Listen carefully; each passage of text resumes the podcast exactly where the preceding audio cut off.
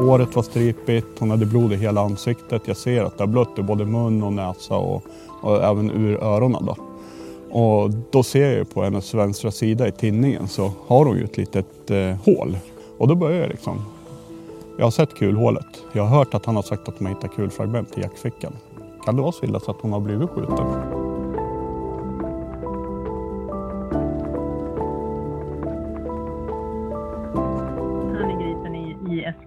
Eskilstuna, men närmare än så jag inte. Nej, nej. Eh, han har delgivits misstanke om mord. Ja.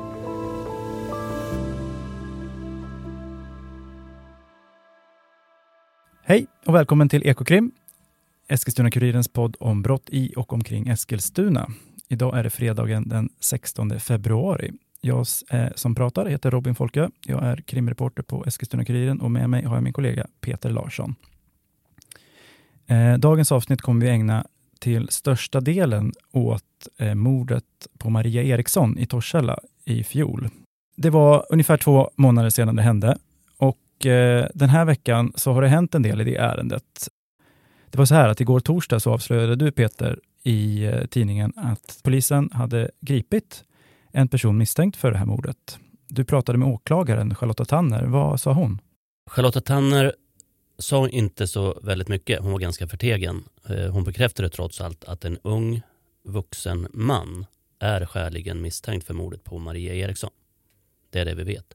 Um, vi kan väl lyssna lite på vad hon trots allt sa. Jag kan väl säga så här att vi har ju arbetat med att kartlägga uppgifter runt Maria. Det är vittnesförhör, vi har hållit uppgifter vi har fått in och undersökt och eh, det har lett fram till att vi har eh, riktat misstankar mot den här personen. Det ledde till ett gripande igår sa du. Mm. Kan du säga ungefär när? Jag har inte tiden i huvudet.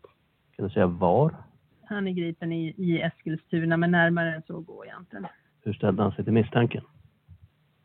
Eh, jag går inte in på det. Söker du och polisen fortfarande efter fler eventuella gärningsmän? Vi har fortfarande inte kommit fram till att vi har tillräckliga skäl för åtal och så länge vi inte har det då undersöker vi ju vem som kan ha gjort det. Det är fortfarande tidigt i den här delen av utredningen. Ja, där hörde vi vice chefsåklagare Charlotta Tanner som inte ville säga till dig vilken inställning den här gripna mannen hade till eh, brottet som han anklagas för. Eh, sa hon någonting annat Peter, till exempel eh, om den här unge mannen hade någon eh, relation till eh, den mördade personen, Maria?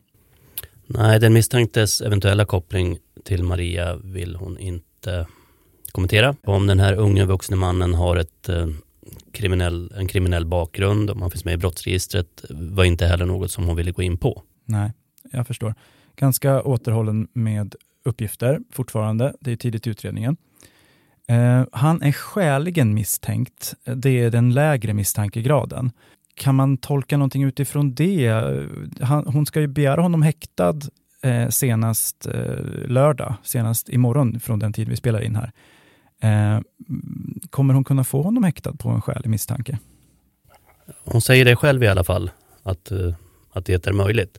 Nu har de ju haft lite tid på sig eh, med tanke på att den här mannen greps i onsdags. Så onsdag, torsdag, fredag och delar av lördagen kan de ju fortsätta jobba med, med utredningen och kanske göra saker som man inte har gjort under de här två månaderna. Hur länge de har haft ögonen på honom, det vet ju inte vi. Men eh, det är väl rimligt att tro att eh, begärs han häktad eh, så, så kommer det finnas en viss bevisning som håller. Jag tror inte hon går upp och chansar. Vi, vi kommer ju prata om det här i, i kommande avsnitt, garanterat. Men i, i dagens avsnitt så har vi ju också med en, en, en ganska djuplodad del där, där du har träffat Marias eh, make. Vad, vad kan du berätta om det mötet? Ja, eh, Mikael Eriksson heter han eh, och det var ju speciellt att få tala med honom. Han eh, väntade nästan på att vi skulle höra av oss. Eh, lät det lät det på honom som när jag, när jag, när jag väl fick tag på honom. Eh, och, och han, eh, han var väldigt öppen med eh, hur han kände och tyckte kring det här brottet. Och han, men han, han tackade också liksom för att vi hade gett honom lite, och familjen lite frist så här och inte var på, på familjen som gamar direkt efter brottet. Det var en annan eh, av honom namngiven tidning som var på redan eh, dagen efter och de hade fått kalla handen. Du träffade ju Mikael i tisdags den 13. Mm. Den 14 dagen efter, det var då den här mannen greps, han som är misstänkt. Ser du något samband med att eh, familjen valde att prata med, med dig och media och att det var ett, ett gripande på gång? Eh, det är ju väldigt svårt att, att veta exakt eh, vad, som, vad som beror på vad. Eh, men det, vi publicerade, eh, vår publicering fick stort genomslag. Även SVT Sörmland hade en intervju med Mikael som de publicerade samma dag. Man kan ju tänka sig att de här publiceringarna aktualiserade eh, det här brottet hos folk och i det allmänna medvetandet. Sen om det ledde till något tips som gjorde så att den här mannen kunde gripas, det kan ju mycket väl vara så att de, polisen haft eh, koll på honom under en längre tid och valde att eh, och att den här tidpunkten för gripandet eh, inte har alls med oss att göra överhuvudtaget eller andra medier. Eh, men men eh, hur som helst så gjorde ju familjen, valde ju att gå ut och prata i medier eh, för att ge utredningen en skjuts och, och den har ju fått en skjuts nu. Men Robin, vi kan väl backa tillbaka till den 11 december. Ta oss med från på början av den dagen. Det var en måndag måndagen innan Lucia. Det var i det närmaste snöstorm ute. Temperaturen låg omkring noll, strax därunder. Eh, det var väldigt mycket snö i luften eh, och eh, den mördade kvinnan som då heter Maria Eriksson, hon var 46 år och hon arbetade som fastighetsskötare på KFAST, kommunfastigheter i Eskilstuna. De har ett kontor i, i Torshälla, bara eh, en knapp kilometer från där de bodde. Hon eh, eh, brukar åka till jobbet på cykel, så även den här morgonen. Hon lämnade eh, hemmet strax efter klockan halv sex på morgonen efter att ha eh, sagt eh, jag älskar dig till sin make som jag då pratat med. Hon hittades klockan 20 över sex eh, invid, i en trädunge kan man säga, invid en stig, bara ett tiotal meter från, från grinden in till sin arbetsplats. Där hittades hon av en, en förbipasserande kvinna eh, som, eh, som larmade. Och kort därefter tillskyndade även eh, Marias arbetskamrater från KFAST som måste ha hört eh, den här kvinnans rop på hjälp. Då. Eh, och, och, det var väldigt mörkt, du kan tänka dig själv, så här tidigt på morgonen så, så eh, är det inte bra belysning så ser man inte så mycket. Om man därtill lägger till att det var väldigt mycket det var blåsigt och det yrde snö så kan man tänka sig att det, det, var, eh, man såg inte så mycket. Och det ska då ha bidragit till att man till en början inte såg att den här kvinnan hade skottskador, bland annat i huvudet. Utan man, eh, det ringdes in som en cykelolycka, att det ska vara ett hjärtstillestånd som Maria hade drabbats av. Och eh, så som vi har fått det beskrivet från polisen så var det först på sjukhuset som man eh, upptäckte de här skottskadorna. Det är ungefär vad som hände. Hon, riktigt när hon avled i det, hela det här, det, det är oklart. Eh, polisen har sagt att hon var vid liv när hon upptäcktes. Mm. Man har väl också nämnt 20 I6 som en tänkbar tid när det ska ha inträffat? Ja, det vill säga ganska snabbt efter att hon ska ha lämnat hemmet. Mm. Och, och, och, det kan jag säga, det, det antar jag grundar sig på att det tar inte så lång tid för henne att åka dit och varför skulle hon ha stått kvar där precis utanför sitt jobb eh, längre tid än så. Eh, och det var ju inte bara sjukvårdspersonalen, eh, ambulansen inte direkt insåg att kvinnan var skjuten. Eh, familjen informerades ju heller inte om att hon sannolikt var skjuten då direkt när det hade hänt och de kallades till sjukhuset. Var det inte så? Nej, precis. Eh, Mikael Eriksson berättar för mig väldigt eh, detaljerat om det absurda situationen som familjen befann sig i där eh, när de precis hade fått beskedet att Maria var död. Och de fick gå in och se, se kroppen. Och de upptäckte att hon såg ut att ha skottskador i huvudet. Men, men samtidigt så, så, fick de inte veta någonting om det från, eh, från officiellt håll, varken från, eh, från sjukvården eller från polisen. Jag tänkte att vi, vi kan lyssna på Mikael här när han, när han eh, berättar om hur tankarna gick. Eh, han fick dessutom överhöra ett samtal mellan polis och läkare som gjorde honom ännu mer förvirrad. Vi lyssnar. Jag trodde att det var mitt, mitt huvud, som, min hjärna som spelade mig ett spratt.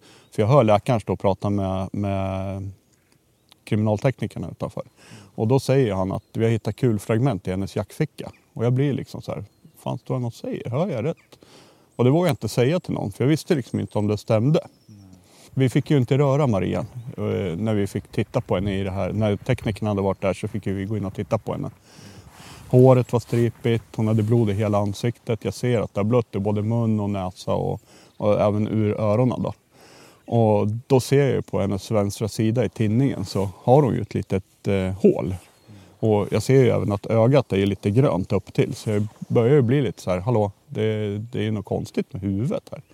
Hon har blivit skjuten. Jag bara, vad fan, alltså det kan inte stämma. Vem skulle vilja skjuta min hustru? Och då börjar jag liksom, jag har sett kulhålet. Jag har hört att han har sagt att de har hittat kulfragment i jackfickan. Kan det vara så illa så att hon har blivit skjuten? Ja, det var Mikael Eriksson som berättade om eh, de hemska minuterna de precis hade fått beskedet om att hans hustru Maria hade avlidit, men då han inte hade fått reda på riktigt hur det hade gått till. Och det skulle dröja en tid? Det tog två dagar innan, innan familjen fick eh, det bekräftelsen så att säga från polisen om att eh, det var skott, eh, att, att Maria hade blivit skjuten. Och, och, och det, ja, det, det, det, kan man ju fråga sig varför det, ska, varför det tog sån himla tid. Det, det, det vet vi inte, det får vi polisen svara på. Och ändå så var det väl en mordutredning sedan tidigare med tanke på de insatser man gjorde på brottsplatsen? Ja, när, när, när Mikael och, och, resten av familjen frågade vad är det så att hon har blivit skjuten, då hade de bara fått, eh, fått eh, svaret att nej, det är en mordutredning, vi kan inte berätta någonting i nuläget. Mm. Eh, men det, man kan bara föreställa sig den, den enorma paniken i den situationen som man befinner sig i och att, att inte kunna få svar på de mest grundläggande frågorna. Det är ganska stor skillnad på om ens eh, hustru och mamma har fått ett hjärtstopp och om hon har blivit utsatt för ett mord. Mm. Nu var det det senare och det, var, det måste ju vara fruktansvärt att gå med den vetskapen, men det kanske hade varit lättare att få den från början. Men faktum är att någon vet vad som har hänt och vem som gjorde vad. Hör över till polisen. Precis. Och efter att ni hört över till polisen, hör över till oss på ekokrim.ekuriren.se. Ekokrim i ett ord snabel ekuriren i ett ord.se. Vi svarar på alla frågor och eh, om det är intressanta tips så tar vi med, även med det i vår rapportering och här i podden. Ja, det är ett udda mord eh, på många sätt, eh, som sagt. Eh, Maria hade inget brottsligt förflutet, inte på något sätt känd av polisen som man brukar säga. Har god kontakt med, med lokalsamhället i, i Torshälla i egenskap av sitt jobb. Hon var fastighetsskötare och träffade folk hela tiden i, i närområdet. Eh, många kände henne, många visste vem hon var och, och var hon bodde och sådär. hon var känd som kvinnan med hunden, sa Mikael till mig. Men brottet är ju väldigt speciellt på det sättet, eh, för det är väldigt svårt att, att hitta motiv till, till ett sånt här mord och även att, att förstå vem som skulle kunna ha gjort det. Vad, har, har du några teorier, Peter? Jag tänker lite så här att om det skulle vara en slump, om Maria var inte något planerat eh, mordoffer så, så kanske det så, så har man ändå som gärningsman utsatt sig för vissa risker. Det är ändå en förhållandevis vältrafikerad sträcka med gångare och cyklister och hundmänniskor.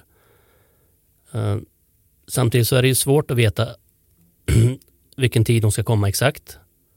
Att det inte ska komma någon annan. Det var mörkt som sagt. Eh, snöstorm mer eller mindre. Och jag vet inte vad, vad det talar för. Att, att eh, det kunde ha varit vem som helst. Eller att det var Maria. Om det var Maria som skulle mördas, då är det ju jättemånga frågetecken. Maken Mikael har, har ju letat motiv lite här och där. Eh, dels i hennes yrke som eh, fastighetsskötare kan hon ha sprungit på någonting, sett någonting som hon inte borde ha sett, så, så som en narkotikaaffär eller annat.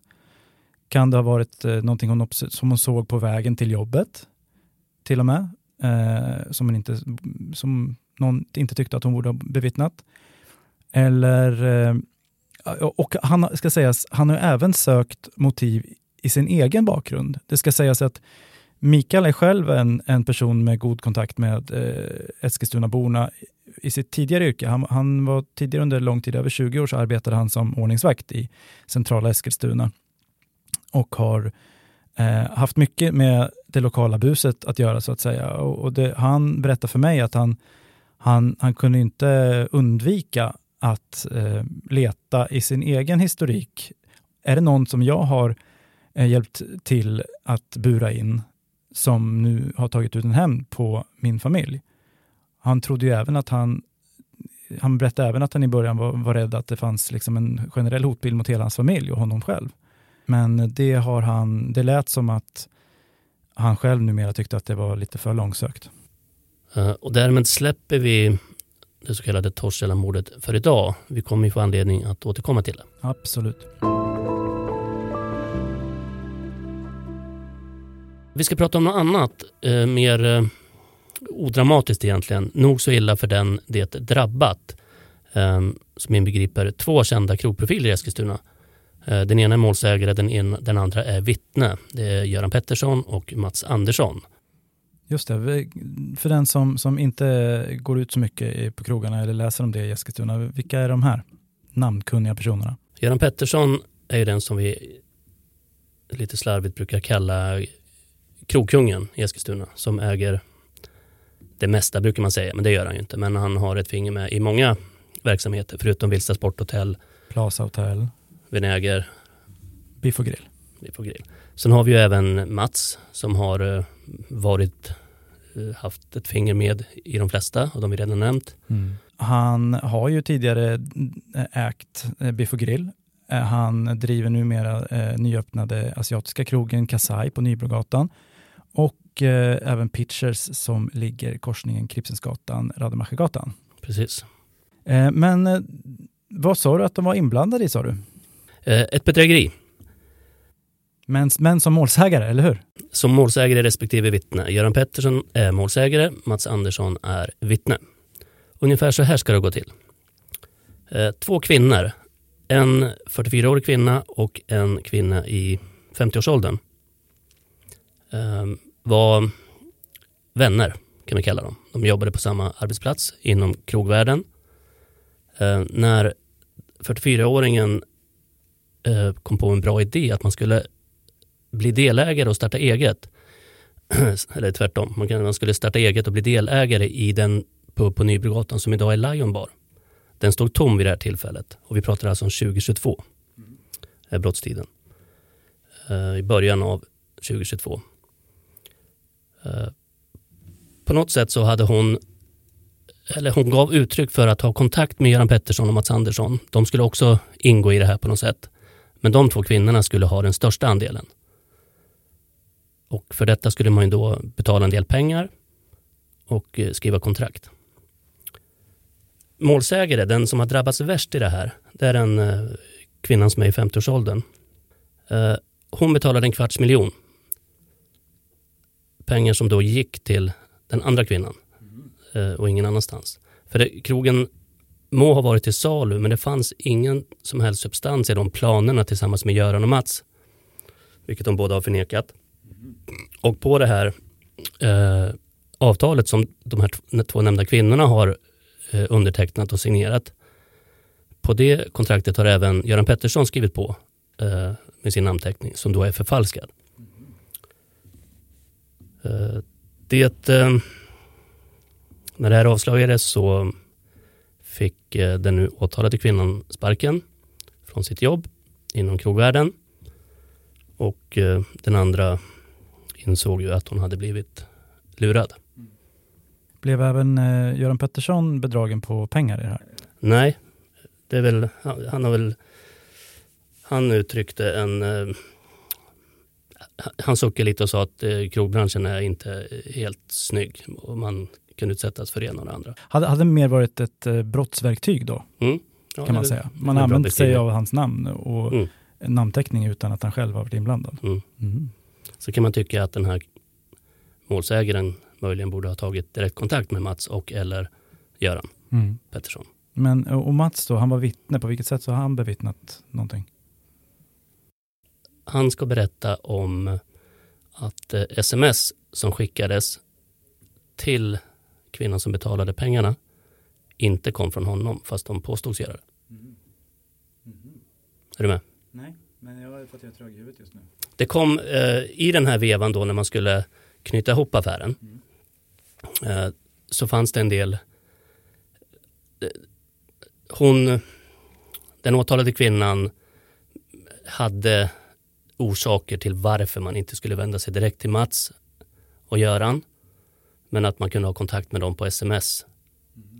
Eh, och i den här utredningen så finns det sms som ser ut som att de kom från Mats Andersson, vilket de inte gjorde. Eh, och det ska han berätta om. Och naturligtvis att det då inte fanns några planer på att den här gruppen skulle ta över den här baren på Nybrogatan tillsammans. Mm, just det. Ja, nej, det måste varit eh, olustigt för dem båda. Eh, och det var en dom mot den här kvinnan. Nej, det var ett åtal. Hon står åtalad för bedrägeri, det här jag nämnde, och ytterligare två som har mer normal karaktär, där man har sålt eh, varor på Blocket, tagit betalt men inte levererat något. Och heller aldrig haft för avsikt att, att göra det. Vad ska kvinnan ha för, för, haft för motiv till att göra sådana saker? Oklart, men hon lär har lånat en del pengar av folk i sin omgivning och det, det är väl förmodligen pengar som är drivkraften.